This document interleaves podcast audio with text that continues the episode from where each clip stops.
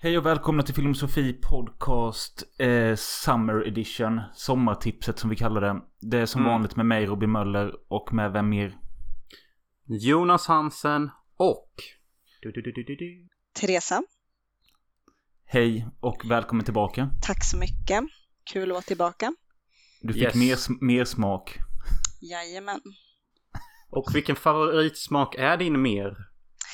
Jättebra fråga. Eh, Det är någon svartvinbär och någonting tror jag. Det var mina barn som introducerade.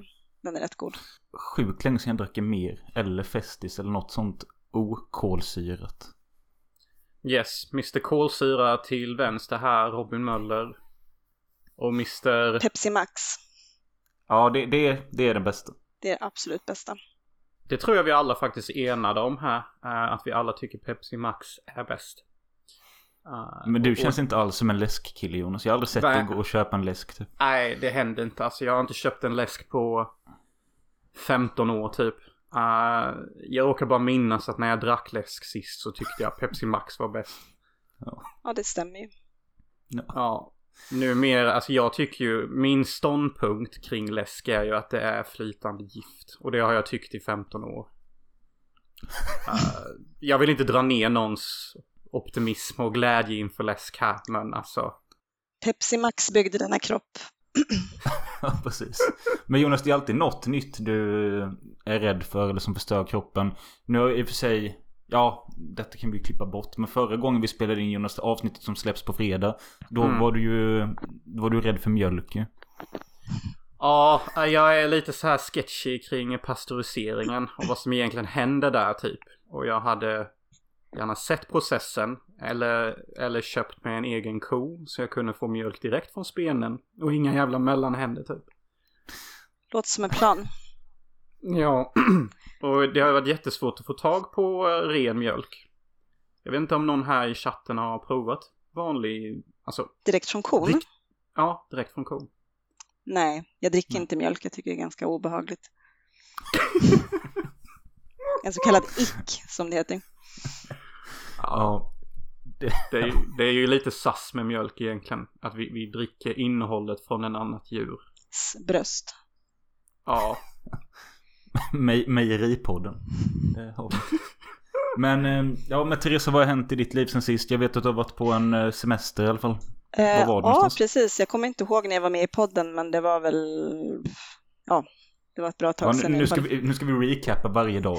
Just det, precis. Vad har hänt sedan dess? Nej, men eh, jag kom nyligen hem från en månadsresa eh, som gick via Peru till Bolivia. Eh, ja, så jag har varit i La Paz i typ tre och en halv vecka. Inte gått på bio som förra gången för att det är bara dubbad film och det, ja, jag vet inte. Det är Men du sådär. hade, du hade plöjt lite filmer på planet Ja. jag. Absolut, jag hann med tre och en halv innan jag somnade. Ja. Och eh, så såg jag ju en hel del film på morgnarna som jag brukar i La då. Ja. Mm. fan vad skoj. Jag tycker Mm. det är så himla kul med sådana långflyg. Ja. eh, och, och se urvalet. Eh, Absolut.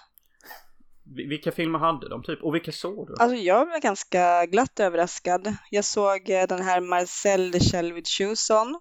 Eh, Jag såg Scream 6. All Tar, right. den här om regissör, nej vad heter det, inte regissör utan dirigent, Dirigent. så heter det. Precis, och sen började jag se den här Empire of Lightning eller något sånt där. Eh, men den somnade jag ifrån. ja. Aldrig hört talas om Empire of Light. Det är Sam Mendes som har gjort den, jag vet inte om det ringer någon klocka. Jo, Ameri- American Beauty va? Precis, exakt. yes. Men det, jag tror inte den blev så stor den här Empire. Nej. Sen gjorde Sam Mendes faktiskt också Skyfall. Eller som vissa i min familj sa när den kom, Skyfall. Alltså. James Bond-filmen. Ja. Och vad tyckte du om Scream 6? För att jag har en kollega på jobbet och han är helt besatt av den. Han har sett den, jag skojar inte, fem gånger. Alltså under en månad. ja, alltså nej. Har ni sett den? Ja. Vad tyckte ni? Jag kanske skulle ha kollat betyg, men Eh, nej, men jag, jag är ganska snäll mot de filmerna för jag tycker det är alltid rätt kul. Men den var svagare än femman. Och jag tyckte det var tråkigt att ingen dör. Ja, jag, jag håller med. Jag, är absolut svagare än femman och det håller ju inte alla med om. Men jag Nej. tycker det. Och sen, alltså den försökte lite för mycket. Det var lite för mycket meta och självrefererande och så. Skulle Ja. tilltala en annan åldersgrupp än mig tror jag. Ja, Ja, Ja. fast det är ju riktigt kul att de är överens om vilket som är de bästa två Fredag den 13 filmerna. De säger ju Fredag den 13 del 2 eller del 4. Och att det är helt okej att tycka vilken av dem är den bästa. Det, är- det är ju legit åsikt. men de är för medvetna. De är för självmedvetna. Det är det. Ja, det, Ja. det är väl det. Det är väl det. Sen minns inte Dövelfolk. Eller? Typ Ja, inte. inte många. Nej, nej kanske Alltså inte. alla dyker ju upp att de har överlevt. De hade bara en skada liksom. Inte ens Courtney Cox va? Fick ta strupen. Eller kniven mot strupen säger man. Nej. Nej. Ja, och så fick stackars Dewey Louie eh, sätta livet till i femte filmen där. Ja. Det känns ju Mm. nästan lite så här. Vad är det Courtney? Är du rädd att du inte kan få en annan film efteråt eller? Ja, kanske. Men sen, jag tror de är glada med att så länge de får behålla någon gammal karaktär. För nu vill ju inte hon vara med längre, Nev Campbell. Ja, Hon nej. skulle ju ha så mycket pengar och, eller vadå. och de vill inte betala det. Nej. Nej, ja, ja. ja. Okej, om sjunde filmen är den sista med Scream. Vad vill ni ska vara the ultimate cherry eller the ultimate coconut för er? Ehm, Alltså jag har typ tappat intresset. Så jag passar frågan. Så, så, så the ultimate coconut är att det inte blir några mer efteråt? Ja, det behöver inte bli några. Okej. Nej, jag vet inte vad man ska... Alltså jag har inget speciellt jag önskar ur en sjunde film. Eh, men Jag den, har en kom- idé. Den är, den är ju i In the Works. Mm. Att Dewey är the murderer och att han överlevde på något sätt. Nej, det är B va?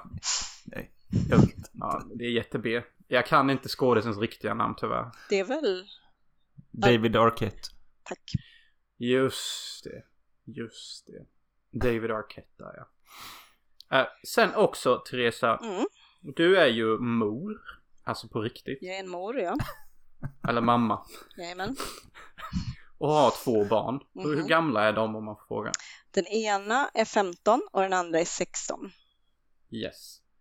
Och jag, jag, jag har ju varit typ barnvakt i två och en halv dag.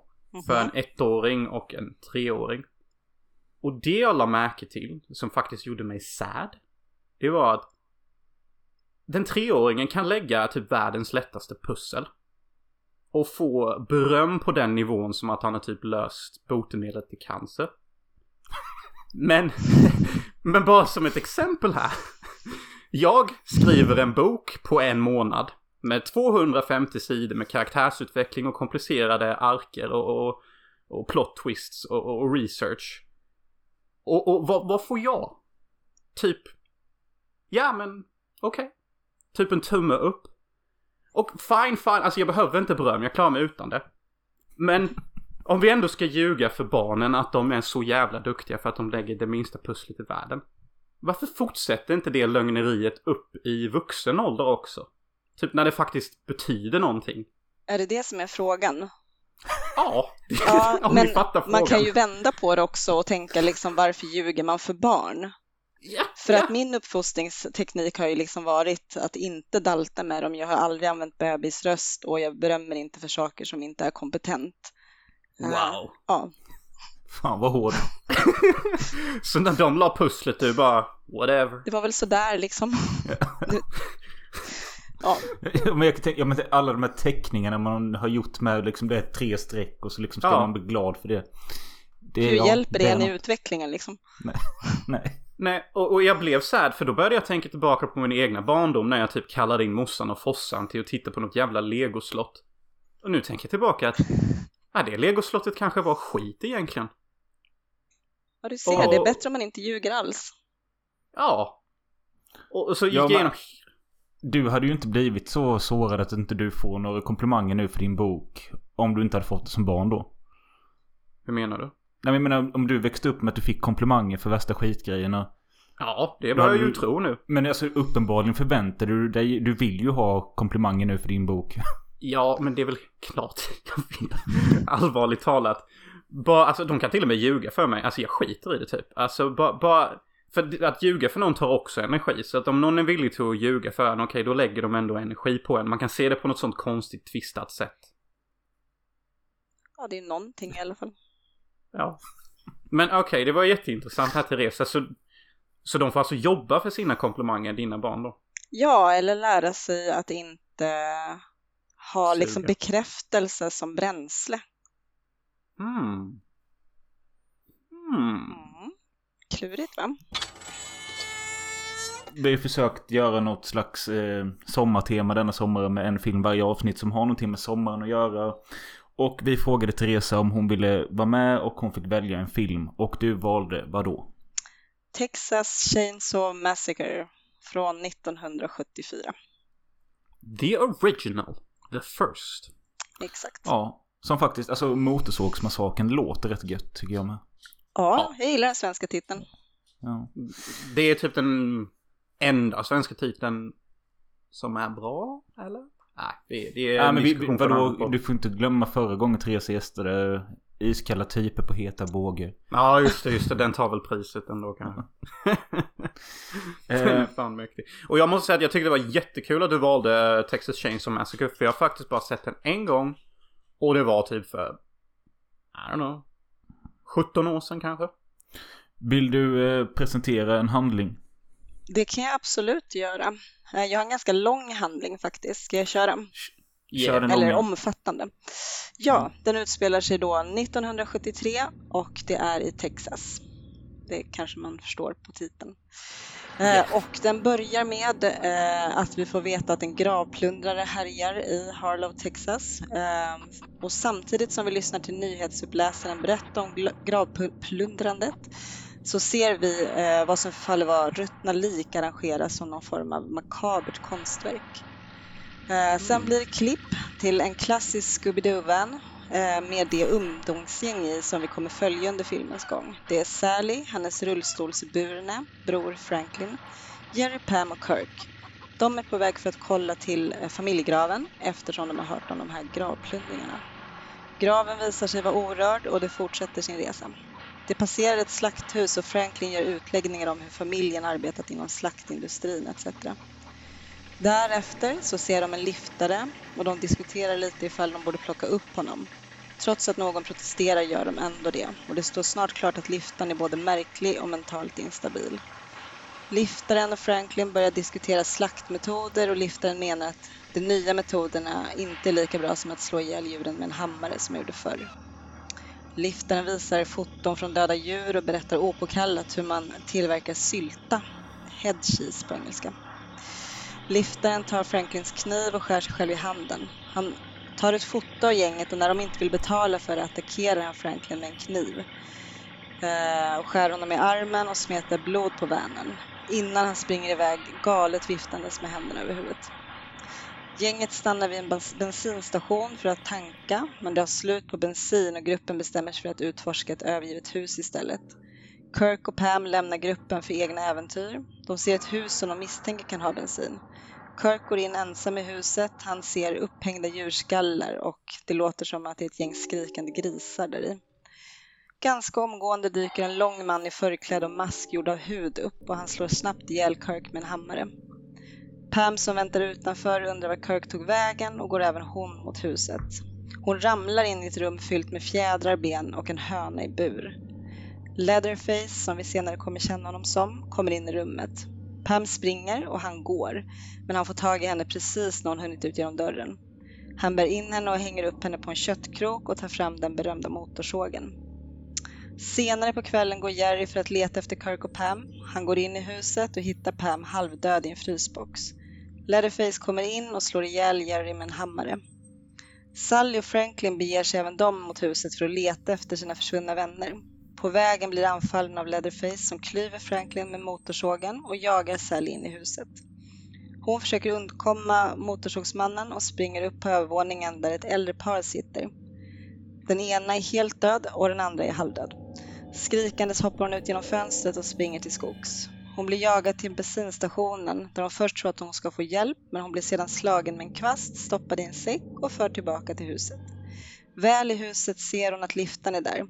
Bensinmaxägaren och liftaren kör ner den gamla halvdöda mannen och det står klart att det handlar om en gravt dysfunktionell familj som dessutom är kannibaler. Sally blir skuren i fingret och gubben börjar suga i sig av blodet. Hon svimmar och när hon vaknar igen är hon fastbunden vid middagsbordet där även Leatherface sitter, nu iförd mask med kvinnosmink. Scenen vid matbordet är utdragen och männen hånar och torterar Sally.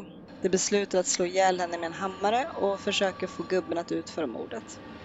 I tumultet lyckas hon fly och springer till närmaste väg. En bil kör över liftarna misstag. Föraren lyckas skada Leatherface med en skruvmejsel.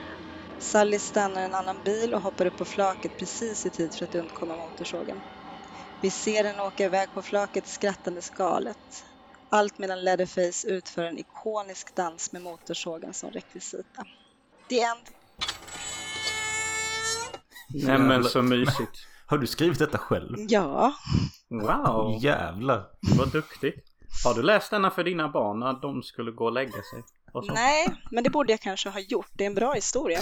Ja, för att allt handlar om tonläget som jag fick lära mig i Tre män och en baby. Kommer ni ihåg den scenen när han läser för ungen där? Då läser han en jätteblodig historia om hur en boxare slår ihjäl en annan boxare. Och så förklarar han att det handlar om tonläget, inte vilken sorts berättelse. Det har jag Ja, inte sett. det. Men alltså, det här var jag, jättebra. men, ja, jag är fan imponerad att ni har bara skrev att du kan gärna få ta handlingen. Och då har du sett, satt dig och skrivit ner hela filmen. Nej, men jag lyssnar på väldigt mycket filmpoddar och ibland så kör de så här långa synopsis. Jag tänkte att varför inte? Jag hade ingen lust att jobba idag så. Nej. Nej. Nej, men eh, ja, det var en väldigt bra sammanfattning. Eh, Mm. vad, men Therese, vad har du för relation till filmen? Ja, men precis, det är en bra fråga. Eh, nej, men faktiskt så får jag väl erkänna på en gång att jag tillhör en av dem som såg remaken först. Eh, den kom ju... Samma här. Samma här. Ja, det är bra att vi kan tala ut om det. Nej, men det var ju 2003. Eh, Ja. Så det var ju ändå över 20 år sedan. Ehm, ja, så jag såg den, men då var jag ändå tillräckligt gammal, för jag var i 20-årsåldern då, för att förstå att det inte är så coolt att se remaken först, så då var jag ju snabb med att se originalet också. Men vad, Ja. vad tyckte du om remaken då? Faktiskt så tyckte jag att den var helt okej när jag såg den, ganska bra till och med. Ehm, och det tycker jag väl egentligen fortfarande, bara det att den saknar Alltså den saknar ju do it yourself-känslan och den saknar nog ganska mycket lager. Eh, Mm. Ja. Men den är helt okej och det tyckte jag framförallt då. Men eh, Jag ja, tycker det som funkar jättebra, just Ja. speciellt den remaken, är ju faktiskt liftan när han skjuter sig själv. hon. Det är ju... Det är en hon eller? Ja. Var det en hon? Och, jo men det är Liftan hon. snyggt, hon får ju ett hål. Visst är det en hon? Liftan? Ja. Ja, Kameran går väl genom huvudet på något sätt? precis. Ja, det är jättesnyggt klipp. Och så är Jessica Biel med i en roll Och också. hon är bra. Det blev man ju Mm. chockad över, kommer jag ihåg. Eller jag blev det, för hon var ju med i den här sjunde Seventh Heaven-serien. Ja, just det. Ja, precis. Det måste vi Eh, men också ha en podd om. och därefter eh, letar du upp originalet då? Precis. Och eh, första gången jag såg den så blev jag lite besviken för att eh, eftersom det var ju så mycket snack om att den hade blivit eh, förbjuden i flera länder och jag trodde det skulle vara mycket mer gore. Eh, och det var det ju inte. Nej. Eh, men sen dess har jag sett om den alltså, ja men 10 plus gånger och eh, Ja. ja. Det som fångar min uppmärksamhet med filmen är hur, hur snabb och lätt den är att se. Och framförallt hur jävla bra klippt den är. Vem den är som har klippt den gjorde ett jätteduktigt jobb. Måste jag säga. Jättesvårt att sitta här och förklara en klippstil. Men den är bara jävligt bra klippt. Den är otroligt smart klippt, att jag skulle framhålla den Ja. som en av dem, alltså med så få resurser att genom klippning eh, och även kamerarbete liksom lyckas få till den Mm. stämning som den får till. Det är, bara, det är bara jättesmart och kompetent. Ja, jag håller med. För, för min del så var detta Alltså när jag blev intresserad av film på riktigt Då var det ju nästan Alltså jag, det var skräckfilm jag ville se. Och då var det ju Jag bara hörde om motorsågsmassakern hela tiden att eh, Jag läste om den att det är något av det värsta man kan se och den är brutal och hemsk. Och eh, jag fick min DVD-spelare och jag tror detta kanske var Den tredje, fjärde filmen jag köpte utanför GKs i, något, i någon skum butik och den var hur dyr som helst. Men jag lyckades få pengar av mamma eller något sånt och köpte den. Jag kanske var 10. Wow. Eh, ja, ja kanske, nej, jag måste varit något år äldre. Ja, skitsamma men. Kommer hem, är nästan lite rädd för att starta den men gör den då själv. Eh, och blir så jävla besviken. Eh, precis som du säger, alltså det här var ju inte alls, jag hade ju sett mycket värre grejer. Eh, och kunde liksom inte förstå eller uppskatta den råa känslan den faktiskt har. För jag var bara mer ute efter blod och våld. Um, och sen så låg väl den, jag hade den och visade den för någon kompis som var intresserad. Som inte heller blev imponerad. Och sen eh, tog jag väl en paus på några år. Och sen så gav den en ny, nytt försök och älskade den. Och sen dess har jag sett den, ja typ som du säger, tio gånger. Mm. Och jag har sett den två. Men det jag tror folk reagerar över och speciellt... Men Jonas, jag kommer ihåg det med att jag, jag visade ju dig den i högstadiet tror jag. Ja, det var väl första gången jag såg den. Och du tyckte ja. inte alls om den. Nej, varför gjorde jag inte det?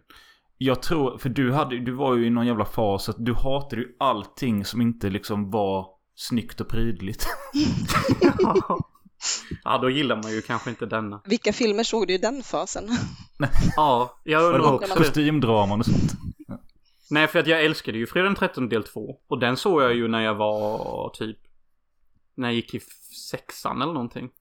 Men jag vet bara att du sa, jag kommer ihåg att du sa att du tyckte den var för skitig och Likadant, du hatade ju verkligen Rob Zombies filmer, de här House ja, of Thousand Corpses och... Det gör jag nog fortfarande alltså. The Devil's Rejects är någonting jag inte vet om jag vågar återkomma till. Men jag tänker göra det. det tänker För att du tyckte så illa om den? Jag tyckte jätteilla om The Devil's uh. Rejects. Jag tyckte bara att karaktärerna var lousy. Och jag tyckte det kändes som jag blev smutsig av filmen. Den är väl en av alla de filmer som sägs vara lite inspirerad av Texas Ja, men alltså, han är ju, det känns som Rob Zombies i alla fall, de två första filmerna är ju väldigt inspirerade. Ja. Um, men det, sen, det blir också lite, det blir inte äkta när någon försöker liksom efterhärma och göra en smutsig stämning liksom på något som... Och sen så tänker jag ju, ja. Går det ens? För jag menar, 70-talet då hade man ju sina kameror med sina sliskiga filmremsor som gick genom någon jävla... Vi har ju inte sån teknik längre. Nu har vi ju HD-kameror och 4K-kameror och det är typ vad man kan få tag på. Om man redigerar allt digitalt, att ens försöka, försöka göra en smutsig film känns det liksom lite... Bro. Bro, mm. this is like past, dude. Ja men ska vi börja snacka lite om karaktärerna då? Det gör Ja det kan vi göra. Mm. Jag tycker de är jättegulliga. alltså redigt. jag tycker alla är underbara. De känns så jävla icke-politiska, så jävla icke... Inga direkta jobbiga åsikter, så jävla icke osköna. Alltså, till skillnad från hur alla är idag. Du tycker inte att Franklin är lite jobbig då? Jag tänkte precis säga det att Franklin är faktiskt min favoritkaraktär. För att jag tycker att Många snackar skit om han, men jag, jag, jag satt och kollade på filmen nu och bara fokuserade jättemycket på Franklin. Alltså den, den som alla kallar den sure rullstolsbundna killen. Och jag måste säga att han håller faktiskt rätt jävla god min. Genom hela filmen. Och jag tycker inte nog han är men så jobbig. Han, han gnäller ju hela tiden. Men vad fan, han blir knivskuren av en jävla psykopat. Han har ju anledning, alltså han, det börjar ja. väl med att han ramlar ur sin rullstol och typ kissar på sig själv. Ja. Eh, och sen blir han knivskuren. Eh, ja. ja. Och sen när de andra springer runt och ska ligga med varandra och bara ha kul så sitter han där ensam och... Ja, nere i något jävla träskrum. Och, och, och, han kan inte hänga med och bada, han kan inte hänga med upp och kolla på ovanvåningen. Jag måste säga att han håller god min. Jag tycker inte direkt han är kaxig eller jobbig eller någonting faktiskt. Och det, det är jättekul att lyssna på. Han är bara Sally, we should go back. We should we shouldn't like go look for Pam and Jerry or whatever. We, we should go. Han har ju inte fel.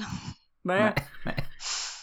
Sen har han väl eh. också den kanske bästa dödsscenen också. jag tycker alltid den är lite så här wow shit. Leatherface kommer från ingenstans och bara kuttar han.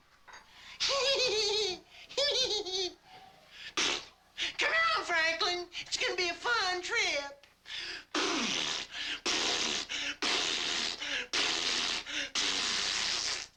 If I have any more fun today, I don't think I'm gonna be able to take it.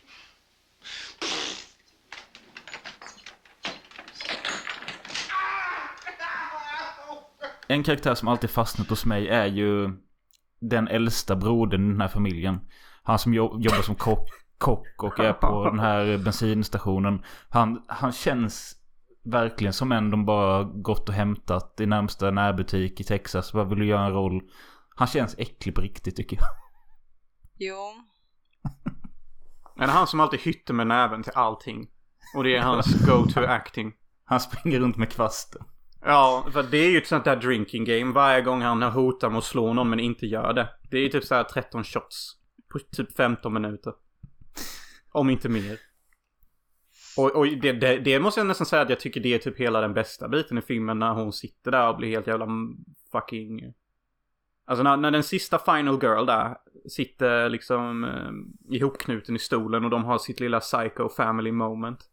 Det är både det bäst klippta och det bäst intensiva och det mest komiska i hela filmen. Det är Jo. typ som alla genrer på en och samma gång. Intryckt i en scen. Det är sant faktiskt. Så den lyckas kännas så himla lång också. Men Ja. den är inte alls lång egentligen. Det är Nej. väl Men sex man minuter upplever det kanske. typ som halva filmen.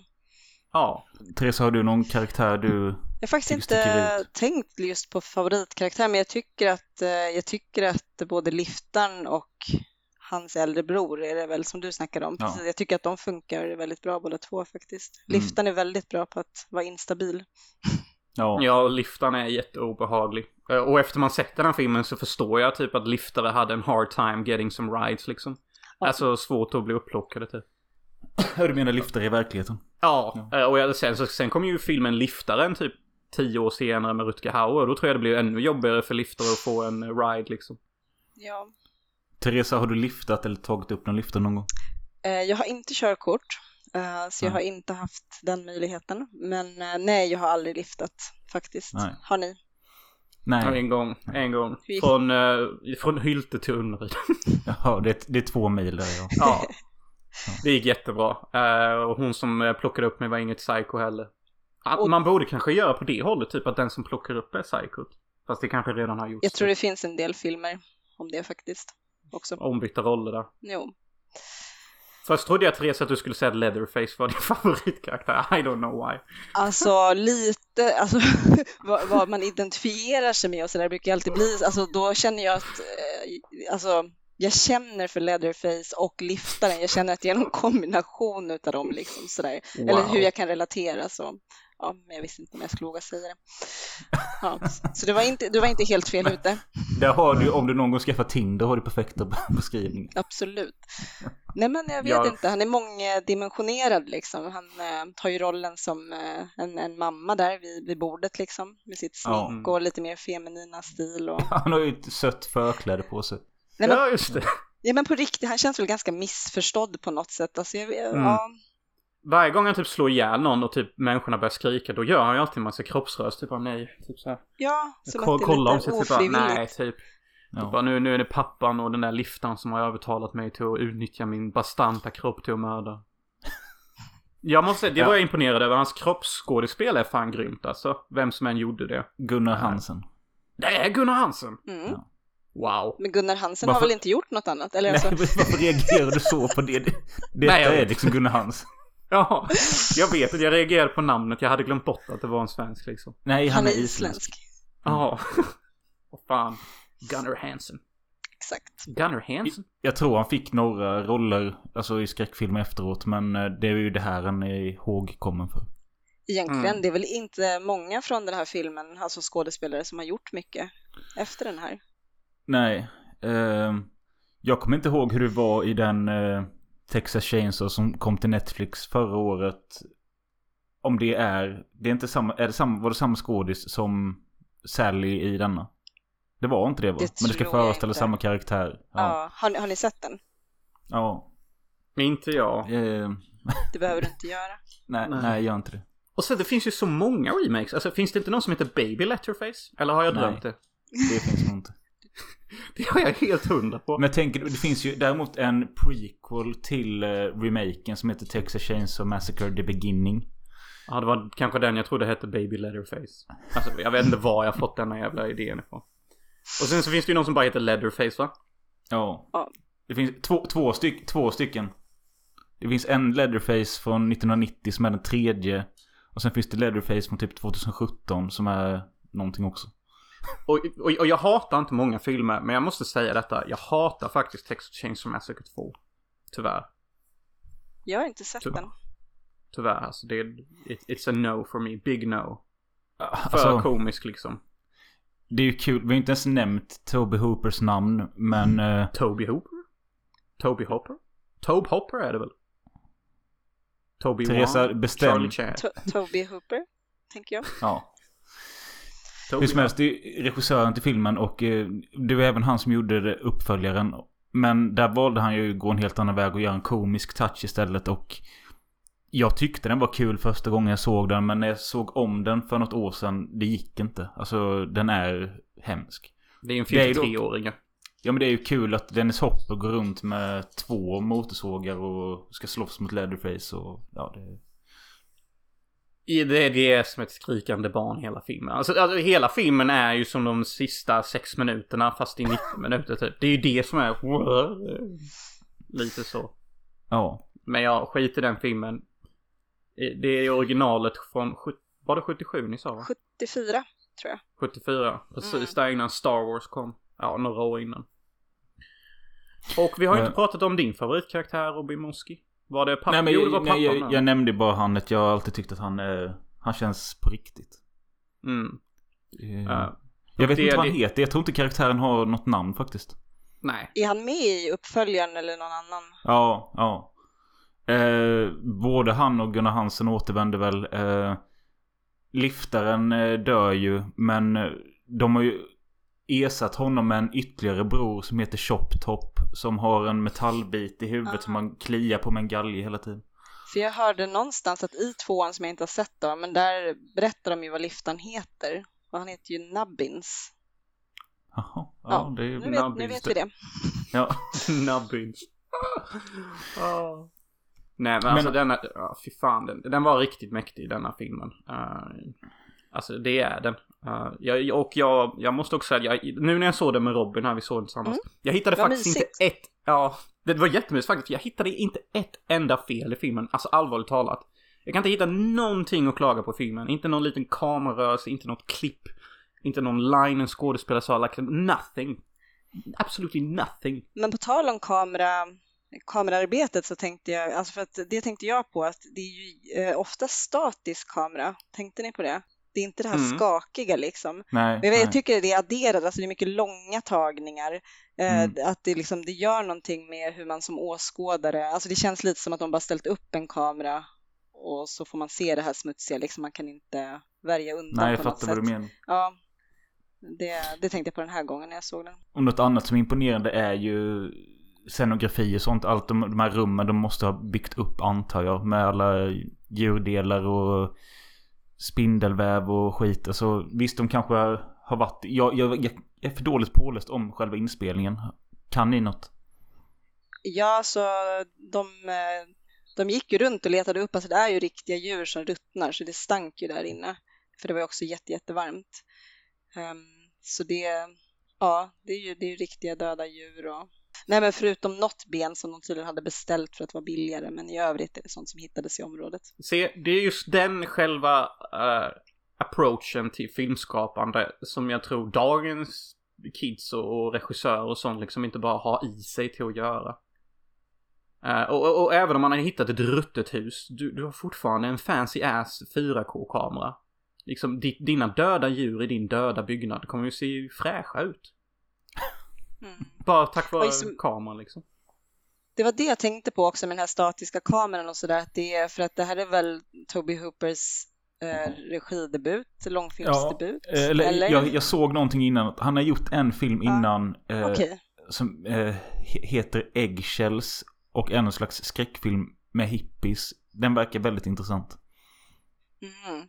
Men i princip, okej, det är i alla fall en av hans första filmer. Jag tycker att det är ett väldigt eh, confident sätt att göra en film faktiskt.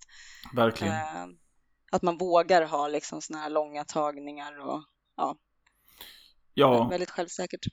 Jag tycker filmen är skitsjälvsäker. Det känns nästan Ja. som att titta på... Ja men det- så här kändes det. kändes som en regissör som bara... Som inte hade direkt koll på hur en film ska göras. Utan han gjorde vad han tyckte var snyggt och vad han tyckte funkade i redigeringsrummet. Sen sket han i om det tillhörde filmiska regler eller vad fan det nu heter typ. Och- ett jättebra exempel på vad som händer när en regissör bara följer sin intuition och sin egna konstglädje. Lite som eh, Star Wars också faktiskt som kom tre år senare. George Lucas hade gjort massa konstiga jävla filosofifilmer. Och sen så fick han tummen ut och göra någon slags riktig film som han ville göra. Lite som när John Woo slutade göra sina jävla skitfilmer och bestämde sig för att göra en riktig film som han kallade. Han hade sett någon Van Damme-film eller var det någon Jackie Chan-film eller något. Och så, så hade han sagt till sin kollega eller sig själv typ bara Varför kan jag inte göra en sån film? Det är ju en riktig film. Och sen så började han göra sina actionfilmer som han är känd för. Mm. Dock har jag ingen aning om om det är så att Toby Hooper inte hade någon utbildning. Alltså, vet ni det? Jag har ingen aning. Jag vet inte heller. Ingen aning, men det känns ju jävligt eget allting. Det känns... Det, det känns jätteeget, originellt och intuitivt, det håller jag med om. Det är ju synd att han, alltså... Han gjorde ju inte så mycket bra därefter sen. Det... Nej, alltså jag har inte sett uh, allt. Alltså Poltergeist uh, har han väl gjort. Poltergeist. det är en helt Eh, Poltergeist är en sån annan film ton. som liksom jag somnar till den varje gång. Jag vet inte vad det är med den. Mm, Och den, var inte den gjord ihop med Steven Spielberg eller något sånt? Mm. Och inte, Och sen- vilade inte en förbannelse över den filmen också? Ja, det är ju den här lilla flickan som gick bort sen. Men eh, skit Ja. i det, vi kan inte fastna där. Nej, nej, nej. Men det vilar ingen förbannelse över Motorsågsmassakern. Det är bara typ glädje. Däremot över dig. Vadå?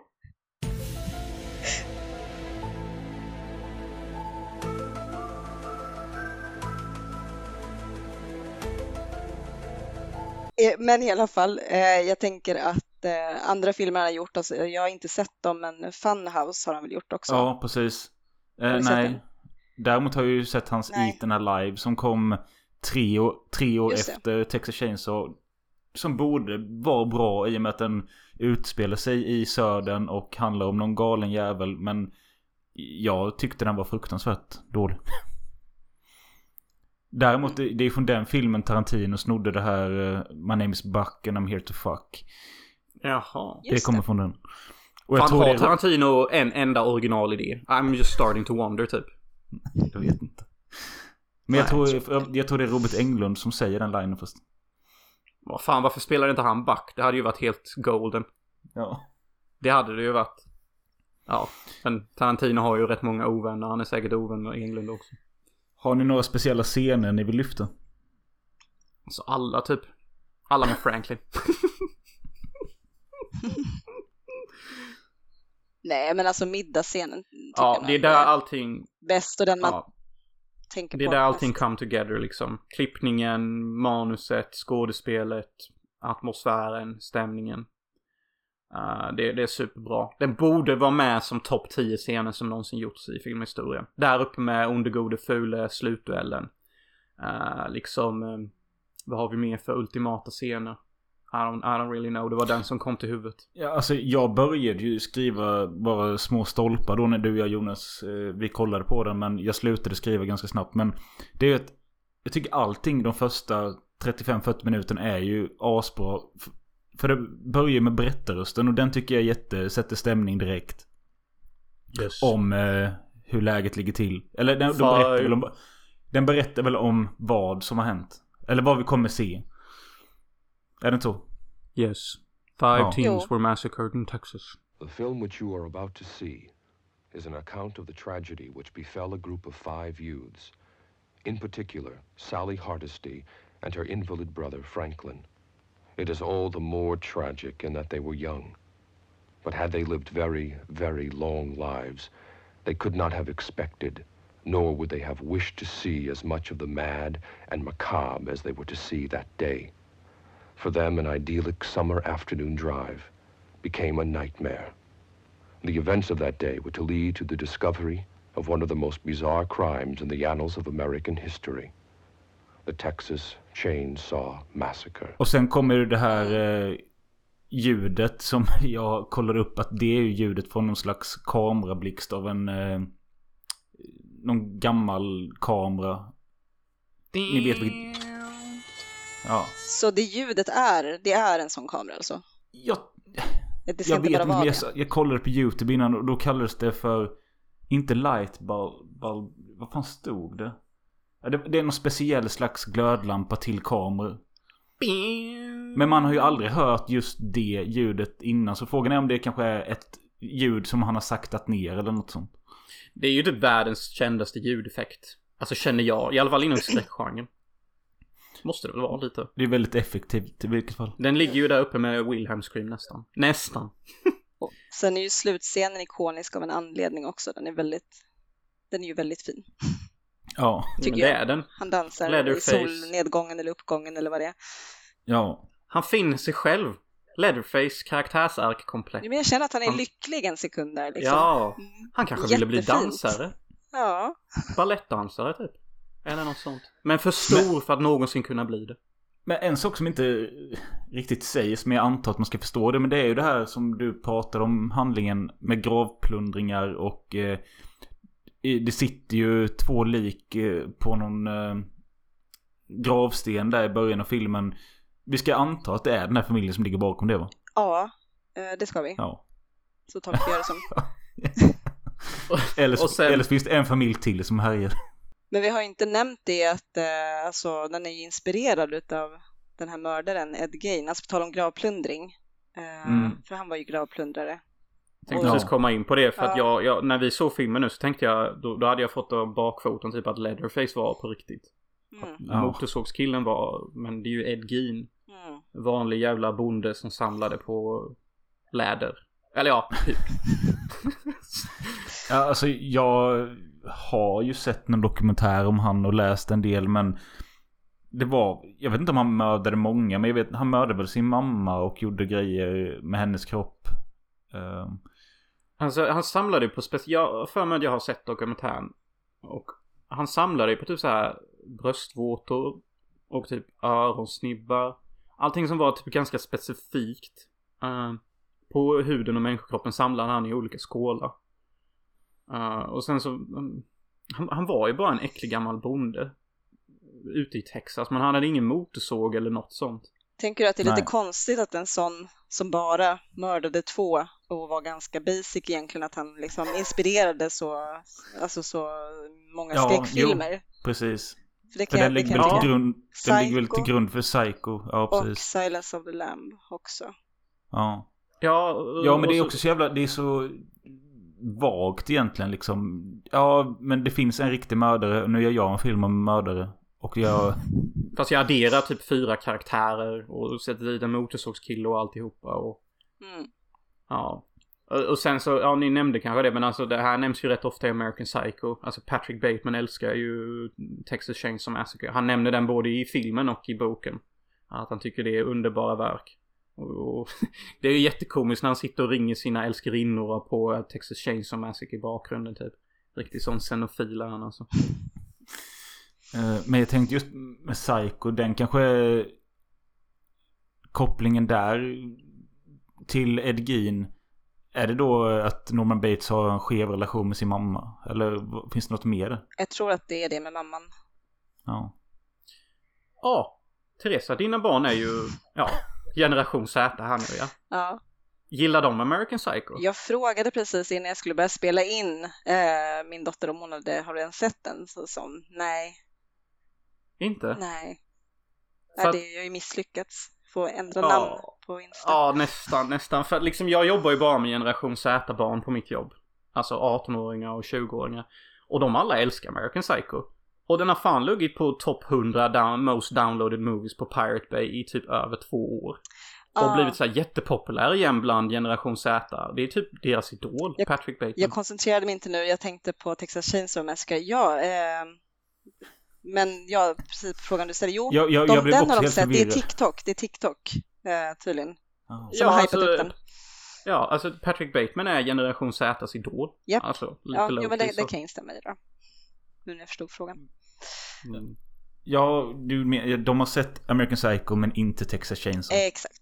Mm. Precis. Mm. Och anledningen till det är spridningen på TikTok. Mm. Men om vi, om, vi, om vi kanske sigmanifierar Leatherface som en oförstådd fenemin karaktär och gör lite TikTok-videos som han. Ändrar musiken när han dansar med motorsågen i slutet. Så kanske också Texas Chainsaw Massacre kan få samma följning. Det vore ju goals, vi kan försöka. Lägger på lite One Direction. Ja, när han dansar runt i solen. Misunderstood. Men eh, vad är det som gör att det funkar det här med att den känns otäckt och fast den inte visar så mycket? Mm. Jag tror det är alla implikationen till psykologisk terror. Och jag skulle inte förvåna mig om alla de här ljudeffekterna som kommer hela tiden som är då ett slags soundtrack. Har säkert någon form av hertz som det så fint kallas. Som inbringar stor oro i tittaren. Och det är därför jag tror den blev så förbjuden som den blev. För att tittaren begrep inte vad det var hon eller han tyckte var obehagligt. Men på en undermedveten nivå så var det soundtracket som var laddad med någon form av dålig hurts. Alltså som bara frambringar oro och stress. Och det var det jag tror tittarna reagerade på mest. Utan att förstå det. Det, det är en teori. Nej, men alltså, sen också, jag tror att det kan vara för, för det vi pratade om förut, att den är så smart gjord och klippt och så vidare. Att eh, många tänker ju att de har sett en film med jättemycket blod och jättemycket våld. Men det, är ju, det, det ser man ju egentligen inte. Nej. Men hjärnan lurar den, hjärnan fyller i eh, Ja, exakt. hålen. Liksom. Eh, ja. Det är ju första våldsamma grejen, ja, förutom då liftaren i bilen så är det ju den här släggan i huvudet på, vad heter han? Det, det är inte han som är. Är det han som är Kirk? Ja det är det nog. Captain Eh, James T-Bone Turk. Turk. Och det är ju obehagligt för att Leatherface dyker fram så snabbt och släggan kommer direkt och sen är det det sprattlande dödsrycken. Det är ju det som gör det effektivt. Ja, det är väl typ att våldet är kanske för realistiskt och det är det de reagerar på. Att det känns som att vi tittar på riktiga människor som dör. Ja, och just också i de där scenerna så är ju kameran lite på avstånd och den står stilla och det, liksom, det, det, känns, det adderar ju till att det känns jätterått Mm. och, och kallt och ja, inte kallt, Sen. Jonas, men- du reagerade ju på att Leatherface i sitt jävla ruckel att han har en sån plåtdörr och det kan jag hålla med att det är lite konstigt. Ja, den, den är sick alltså. Hans plåtar där och så är det ett jättefint red room han har med uppstoppade djur. Som vi inte får se så mycket av. Det är något jätte... Det är det enda städade rummet i hela filmen. Och vi får bara se en liten inblick in i det. Sen har vi ju eh, det här klassiska köttkroken och det tycker jag fortfarande, jag reagerade på det nu när vi såg den igen, att det ser ju ut och gör så jävla ont. och jag, jag vet inte om det är för att det är helt ljudlöst nästan. Och bara att det ser så jävla äkta ut när hon väl hänger där. Och försöker liksom dra sig upp. Det är något riktigt äckligt med det. Det är det. Eh, Nej, men också att han vet exakt hur länge han kan hålla kvar vissa scener för att det ska bli sådär obehagligt. Precis. Men samtidigt inte så länge så att det blir tråkigt. Och det känns ju också, det är ju en väldigt... Det mest klassiska skräckmomentet är ju, det är ju nästan en jump scare med den här kvinnan som ligger i frysboxen. Ja det är ju hon som sätts på kroken. Men det är ju också skitobehagligt för det är så jävla konstigt. När hon eh, krälar upp ur... Jo. eh, Eller ja, han öppnar väl och då kommer hon till liv. Mm. Så det är så. Men jag sa innan också Baby Leatherface och det, det lät ju lite komiskt kanske men är det någonting ni hade velat se? Alltså Baby Leatherface typ. Ja, Vad är Baby nej, men typ Leatherface? kanske en åttaåring som hittar motorsågen för första gången. Och så, så kommer Fossan där bara You ain't, you gonna pick that chainsaw up boy. You gonna, you gonna go out there and chop wood for me. Någon origin story eller? Ja, give Ja. up those dance lessons boy. You ain't gonna become nothing. Netflix-serie, åtta delar. Ja. Nej, jag vill, jag vill inte se det faktiskt. Jag, jag tycker inte heller att man behöver överförklara det är liksom. För är det, är det inte något som också är filmens styrka att eh, man får ingen förklaring till familjen. Okej, de bor där ute på vischan och sådana här folk finns det kanske om du åker ut på de här vägarna. Det är ju det som är läskigt också. Precis, att de inte överförklarar eller skriver på näsan. Alltså de har inga riktiga motiv. Det, de bara är sådär. De bara är, de bara är de de är liksom. De är sig själva. Mm. Film... Ja, har filmen något budskap? Du var inne något på det här Teresa, att liksom... Att finna sig själv. Om vi får tillåtas att vara lite så här djupa, för jag tror inte regissören tänkte på detta. Men vad är djupet i filmen? Vad kan man lära sig? Alltså jag tror man får göra sin egen tolkning. Alltså sen så finns det ju massa läsningar som folk har gjort. Alltså har, har ni koll på vad de vanligaste temana som brukar plockas fram utan att förstå sig på vad det är? Eh, Ja, förutom att Eh. aldrig plocka upp en hitchhiker så... nej, jag kan inte komma på någonting. Jag vet bara med att då, i, om det är fjärde filmen The Next Generation med Renée Zellweger och Matthew McConaughey. Oj, Där har de ju gått eh, längre med...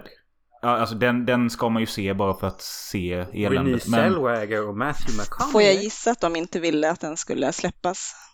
ja, Mm. och den, den släpptes ju typ efter de hade slagit igenom fast filmen var lite äldre än så. Hur som helst, där har de ju gått ett steg längre med eh, att Leatherface ska vara mer en transa. Eh, Mm. Här går han ju runt i kvinnokläder en gång men där så är han liksom, ja, transa. Nej. Nej, nu vet jag hur de kommer göra om de gör en baby leatherface. I wanna be trans. I don't wanna carry no chains up ha. Och så kommer det vara typ. Trans is a Ja. way of life. Jag ska ha en rosa motorsåg. Yeah. Nej men förlåt Ja. vad du var inne på eh, olika tolkningar. Ja, nej men precis. Alltså, jag själv, jag vet inte, jag tror inte riktigt att jag behöver göra de läsningarna, men vad jag har förstått att andra brukar lyfta det är väl dels att det då ska vara en eh, allegori för Vietnamkriget som ju var aktuellt då. Aldrig hört. Men eh, på vilket sätt då? Ja, det är under, jag försökte faktiskt ta reda på det, på vilket sätt då, och jag, jag fattade inte riktigt. Alltså det enda jag kan tänka på det är när Sally åker iväg där i slutet. då, alltså, hon har ju typ vunnit, men det hon, alltså vad har hon fått gå igenom? Alltså, Mm. så hon är ju väldigt traumatiserad förstås. Så, så det är den enda kopplingen jag kan göra till återvändande Vietnamsoldater som förvisso har överlevt, men vad blir det för liv? Ja. Men den känns lite, lite svag. Ja. Det är lite så för att Leatherface använder ju kamouflage och gerillaattacker mot allihopa liksom. Kommer från ingenstans, har gömda dörrar, använder primitiva vapen som krokar och motorsågar. Nu vill jag ju inte kalla en AK47 primitiv, men liksom de hade ju primitiva så här eh, traps och sånt. Eh, alltså fällor. Mm, Mm. Vietcong-armén där. Eh, mm. men då, då tycker jag ju nästan att aliens är ju mycket bättre allergi på Vietnamkriget än vad fan Texas Chainsaw Massacre Ja. är. Jo, jag håller med. Och sen så finns det ju massa vegan, veganismläsningar utav det hela. Jaha. Det finns ganska mycket djur, det är nog bältdjur som ligger dött där i början och så är det lite inklippta kor och så. Och de pratar ju väldigt Mm. mycket om, om slakthus och slaktindustrin och, och sådär. Men jag vet inte heller riktigt varför man skulle göra den läsningen. Och så är det den queera läsningen. ehm, att han skulle vara trans. Ja, det, det är väl den starkaste kopplingen. Uh, alltså, Ja men, men egentligen vad, ja. Vad adderar det liksom? Nej. nej. Alltså detta är väl typ den enda filmen som tåls att inte analysera djupt och det är ju typ skönt. Det, det är också så jag tänker att skaparen gjorde filmen, att han, att han tänkte att nej men det här är bara en film och det ska inte vara annat än en film. Jag har ingenting att säga med filmen förutom att underhålla och traumatisera min publik.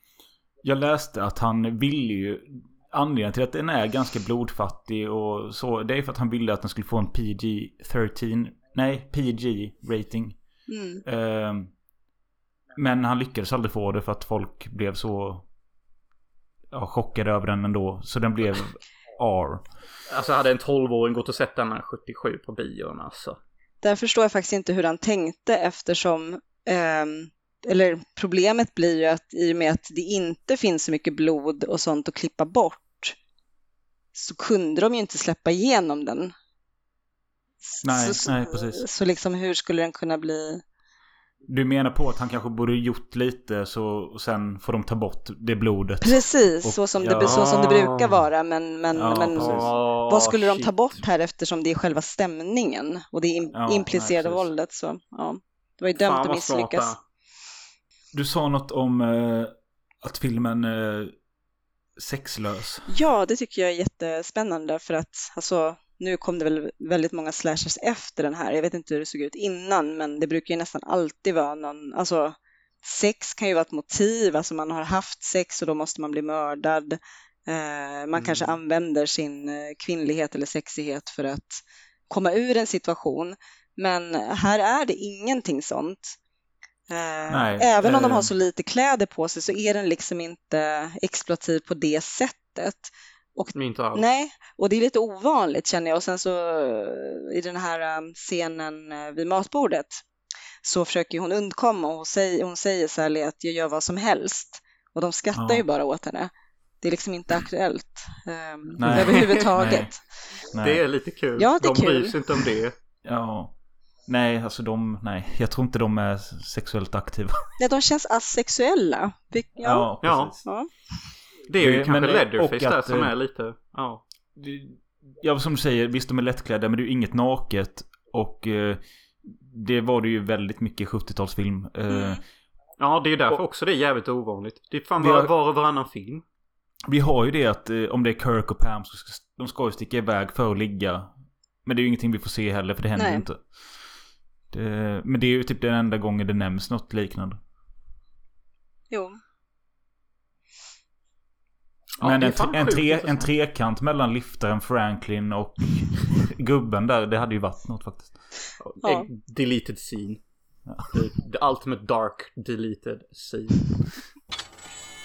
Hade ni velat se en till remake då på, ja, det är ju populärt så det kommer ju aldrig sluta. Hade ni velat se en remake på denna, en till? Eller hellre, hade ni hellre sett en uppföljare eller en prequel? Vad väljer ni helst? En remake, en prequel eller en redig uppföljare?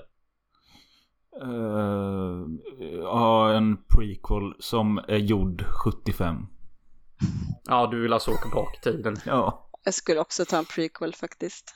Om något. Mm. Alltså det, det räcker nu, de har ju försökt så mycket och liksom Mm. det är ingenting som har kommit upp till samma nivå så det är ju... Sen är det ju många som är så här bara, "Ja, men vad fan det kommer remakes uppföljare och det förstör originalet. Det gör det inte, men eh, de får hålla på hur mycket de vill. Men det är ju tråkigt att kidsen som växer upp nu, är, för dem är ju Texas Chainsaw Massacre den som ligger på Netflix. Det är sorgligt. Och det är den med Renée Zellweger då eller? Nej. Eller den med Nej. Jessica Biel? Nej, Nej. inte den Ja, heller. det är så många! Det hade ju liksom, varit bra, det du nämnde, men Ja. det är tyvärr inte. Ja. Det är den från 2023 tror jag den är till och med. Ja. Ja. Är den sevärd på någon nivå? Nej. Vi sa ju att den inte var det. Nej, nej, alltså det är så svårt att hålla koll på alltså, allt det här. Eh, Men om mitt, om mitt minne eh, inte sviker mig så är faktiskt den tredje som heter Leatherface. Den var sevärd. Och fjärde som är The Next Generation. Den med Zellweger. Mm. Den är kul för att den är, det är med de skådisarna och den är helt urklippad. Men just det, det kommer ju även den här Texas Chainsaw 3D. Nej, vad fan Eh, är det? typ 2013 med eh, Alexandra Daddario tror hon heter. Just det. Ja! Den har jag sett. Ja. Och där tror jag ändå att de fick de tillbaka. Nej, just det. Den är ju en direkt uppföljare på första filmen. Gjorde de någon slags egen teori där om att hon var släkt med någon? Nej, det var... Ja, på, jo, jo. Något sånt där. Hon eh, tillhör den familjen eller Ja. något liknande. Eller om hon tillhör Franklin och... Vad heter Sally? Jag vet Mm. inte. Eh, men om jag inte missminner mig så blir det ju att hon blir väl... Nej, hon är väl syster till Leatherface kanske. Ja, tror jag Och- också. Ja. Det var en intressant vinkel. Ej, ej, ej. Nu fick jag en idé. Leatherface Gender Swap. Ja, men det, Does it det, work? Det var ju det vi var inne på lite där. Alltså det, du menar att det ska vara en kvinna? Ja. Ja, jo, Och visst. pappan, Men, eh, alla är kvinnor istället. Liftaren kvinna, Leatherface kvinna och... Alltså det, det blir ju samma skit, bara det att de är kvinnor typ. skulle du få en budget och det är det du gör så du kommer inte få beröm. Som du vill ha. Nej. Det blir ingen bekräftelse. Nej. Nej, jag, nej, jag... Fan! Fan att jag fick så mycket bekräftelse som liten. Det är ju... Ja, se det... Faktiskt. Ja, du fick nog för mycket för ditt ego är ju större än min dator.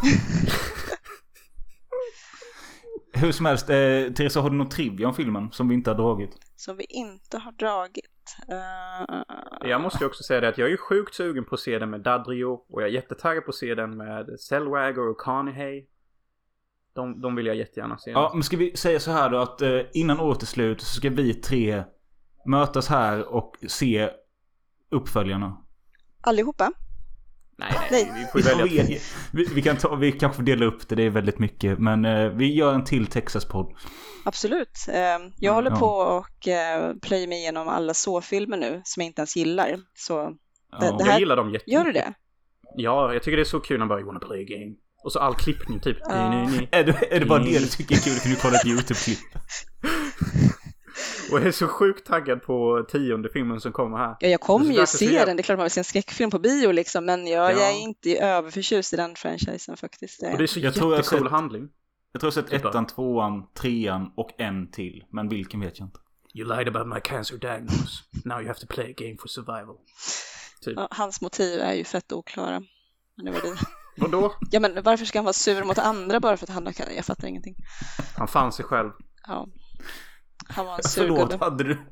Hade du Ja, trivia. Just det. Nej, men eh, ja, alltså de hade jättelåg budget. eh, som alla kanske känner till, så att den spelades in under, jag tror det var 31 dagar eller någonting sånt där. Det var jätte, jättevarmt. Och, Och visst är det eh, så att jag för mig slutscenen där filmade de under... Var det ett dygn eller något? Det, eller precis, det... de var tvingade att göra det på ett dygn för att den här uh, gubben då ville inte sätta på sig den här masken mer än en gång för det tog tydligen tio timmar att få på sig alltihopa. Det kanske inte stämmer Oj. med väldigt lång tid.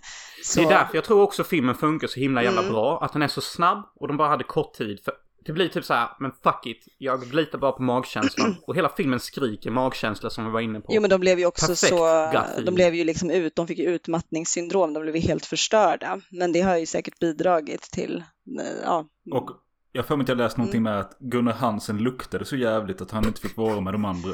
För att han var i den där dräkten hela tiden. Eller masken. Jag har inte hört det, men det kan jag verkligen tänka mig. Jag tror det var väldigt Ja. mycket som luktade där. Och eh, Mm. jo, men han eh, under den här, ja, 27 timmar tog det att spela in den här middagsscenen i sträck och alla led väldigt mycket. Och då fick de inte till fejkblodet eh, när han skulle skära henne i fingret. Så eh, enligt rykten då så slet han ju bort den här tejpen på kniven och skar henne på riktigt. Eh, Oj. Ja. okej. för att få slut på eländet så de kunde slutföra den där Ja. scenen. Tjejen bara just fucking do it already. Ja, det, det säger, ryktet säger ingenting om vad hon sa om det hela. Mm. Jag sa ju något till dig Jonas där när vi såg klart filmen att det snackas mycket om Scream Queens, Jamie Lee Curtis och Janet Lee, hennes morsa. Mm. Eh, men den här tjejen, Marilyn Burns, hon är ju bättre. Det är hon. Mm, The true Alltså, scream queen. verkligen, verkligen. Hennes skrik är Det- faktiskt behagligt att lyssna på också. Vilket inte många skriker. Jag vet inte om jag håller med men... Nu lät det är ganska disturbing, men, men hon är Ja. jättebra på det hon gör i alla fall. Ja. Eh, men inga pengar fick de heller. Eh, jag, jag tror inte ens att regissören fick särskilt mycket pengar, men skådisarna fick se, ju minimalt. inte på senare år heller. Nej, vad jag vet så är det ju, alltså för det, det har ju blivit en enorm alltså, succé genom år. Jag, jag har inte siffran. Men de har fick ju, de ingen post money eller någonting? Nej, inte mycket alls vad jag förstått. Nej, det är ju vikten av att skriva på ett kontrakt. Precis. Typ, att om det blir en succé så måste jag ha 10% av någonting. Mm. Det, vi har ju inte heller varit inne på den här eh, videovåldsdebatten i Sverige på 80-talet. Där detta var en av eh, huvud, huvudmålen. Eh, jag visade dig lite Jonas, eh, det här Studio S-programmet från 80-talet där... eh, Mm. De är så vidriga. Nej men det är de. Men eh, för de som inte känner till det så var det liksom en videovåldsdebatt att eh, barn, eh, VHS har kommit och barn har tillgång till att hyra VHS-filmer med allt möjligt hemskt på. Eh, eh, och en av titlarna var Motorsågsmassakern. Och de intervjuar eh, skolbarn på en skolgård eh, som pratar vad, vad för hemskheter de har sett. Eh, har du sett det Teresa? Jag har inte sett det, men jag har hört om det där. Ja. Mm. Men eh, det absolut roligaste med detta är ju att eh, programmet sändes, vad kan det varit, 84 säger vi. Eh, och 2006 så gjorde de ett inslag i eh, SVT's Filmkrönikan där eh, de tre- eh, sökte upp de här barnen som blev intervjuade på skolgården på 80-talet. För de hade något att berätta och det var ju att det var ju liksom SVT som hade visat dem klipp från de här filmerna och sagt att det här ska ni se så att ni kan berätta detta för kameran att detta har ni sett och det är hemskt. Så de hade ju inte sett filmerna och eh, blev liksom tvingade till att se de här snuttarna istället. Det är ju helt sjukt. Och sånt här kan inte ens jag skratta åt och le åt. För detta är, detta är manipulation av psykologi och propaganda. För att tillfredsställa typ själviska behov av kontroll. Som de här borgmästarna och politikerna håller på med. Eh, Ja. Och det är hemskt. Alltså det är nazism. Ren Men det, skär jag tycker det, nazism. när, när man vet om att det är fejkat i efterhand och tittar på barnintervjuerna igen så bara Ja, man ser ju att de här ungarna vet inte vad de pratar om. Nej, ja, verkligen han, han går in i ett rum där och tar fram en stor köttyxa och så blir det blod överallt. Så, det är det ju inte. Nej, värsta motorsågen. Bara kapar allt. Ja, men jag, visste, jag kände de ju till att det var fejk, men jag har inte sett det. Jag ska kolla på det. Det blir, Ja. blir nog Och så har roligare. de typ snus under läppen också, så bara ofta de här kidsen hade varit rädd för en sån här film typ. Nej men Hade det kanske de barnen inte hade, men... Nej men ibland har man ju kollat på såna gamla klipp med barn och de bara... Ja. "Ja, Jag röker så är länge ju jag tycker det är 12. gott. Jag är 12. Jag spelar ishockey Eh, och snus. men jag, jag tror de här klippen finns på YouTube. Ja. Hemskt är det. Och jag tänkte när jag såg detta att Sverige, Sverige, Sverige, Sverige. Chilla, chilla norra hektorn och ta en blick till eh, Japan här vad de visar för sina jävla barn och, och familj. All manga skit och alla eh, robotmannen som växer. Och de är ju normala. De går inte runt och dödar varandra. Det är ju för fan minst kills i Tokyo. Alltså det är typ den största staden i världen och de har typ 34 skjutmord per år eller något. Men man kan ju vända på det med att eh, utan den här förbudet och sånt så hade kanske inte lika mycket folk velat se den. Och den hade kanske inte blivit lika stor hit om den inte hade fått sitt ökända rykte. Word. Det kan nog stämma. Och sen så, jag vet inte hur många DVD jag har köpt under min uppväxt där det står Förbjuden av svensk politik. Förbjuden i 20 länder. Och man blev så taggad på att köpa den. Så det funkade ju i efterhand för säljarna att de bara kunde trycka upp sånt på DVD och VHS. Mm. Nu oklippt första gången. Ja, de kör Boom, väl boom. fortfarande med sånt där lite då och då. Ja. Och Ja, så varje ser man år det. så är det ju någon, någon skräckfilm där folk har flytt från biografen och spytt och dött och... ja. Jag, jag längtar tills jag går på en biograf där sånt dör. händer. Allt jag har Ja. varit... Ja, nej, nej, nej, men spyr eller skriker eller något sånt. För jag har varit med om att Ja. folk gråter och skrattar, that's it. Och så har jag folk applåderat en gång också. Håller filmen fortfarande? Är den läskig eller är den bara bra? Alla tre ja. Verkligen. Den, den håller absolut, det, det tycker jag verkligen. Mm. Den blir nästan bättre för varje gång man ser Ja, den. Så den, ja. den kan man med fördel se många gånger.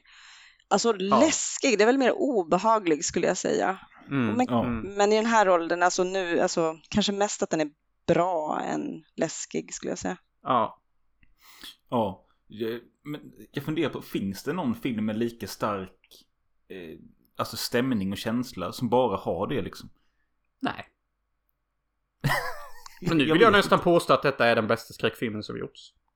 Alltså jag håller ju Ja. Cannibal Holocaust väldigt, väldigt högt också. Men det kanske inte, inte är Mm. riktigt jämförbart så, men Jag tycker den har Nej, så men weird den, har, den, den har ju lite samma känsla av, av äkthet och Ja. så men... ehm, har ni, har ni gjort någon kannibal special? Jag tror att jag har Nej, skickat in det frågor om har vi det. fan inte. Jag älskar ju. Mountain of the Cannibal God Jag äl- med älskar Bond-bruden. eh, kannibalfilm överlag. Mm. Ja, ja, jo, jag uppskattar det också mycket men det känns bara... Det jag tycker är lite tråkigt är att...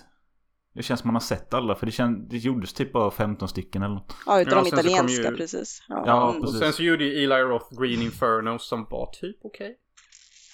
kanske. Det var jättetrevligt att du var med igen Teresa. Eh, du får återkomma antingen till en Texas Chainsaw-uppföljare avsnitt eller till kannibalavsnitt eller något annat. Absolut, med nöje. Mm. Vad trevligt.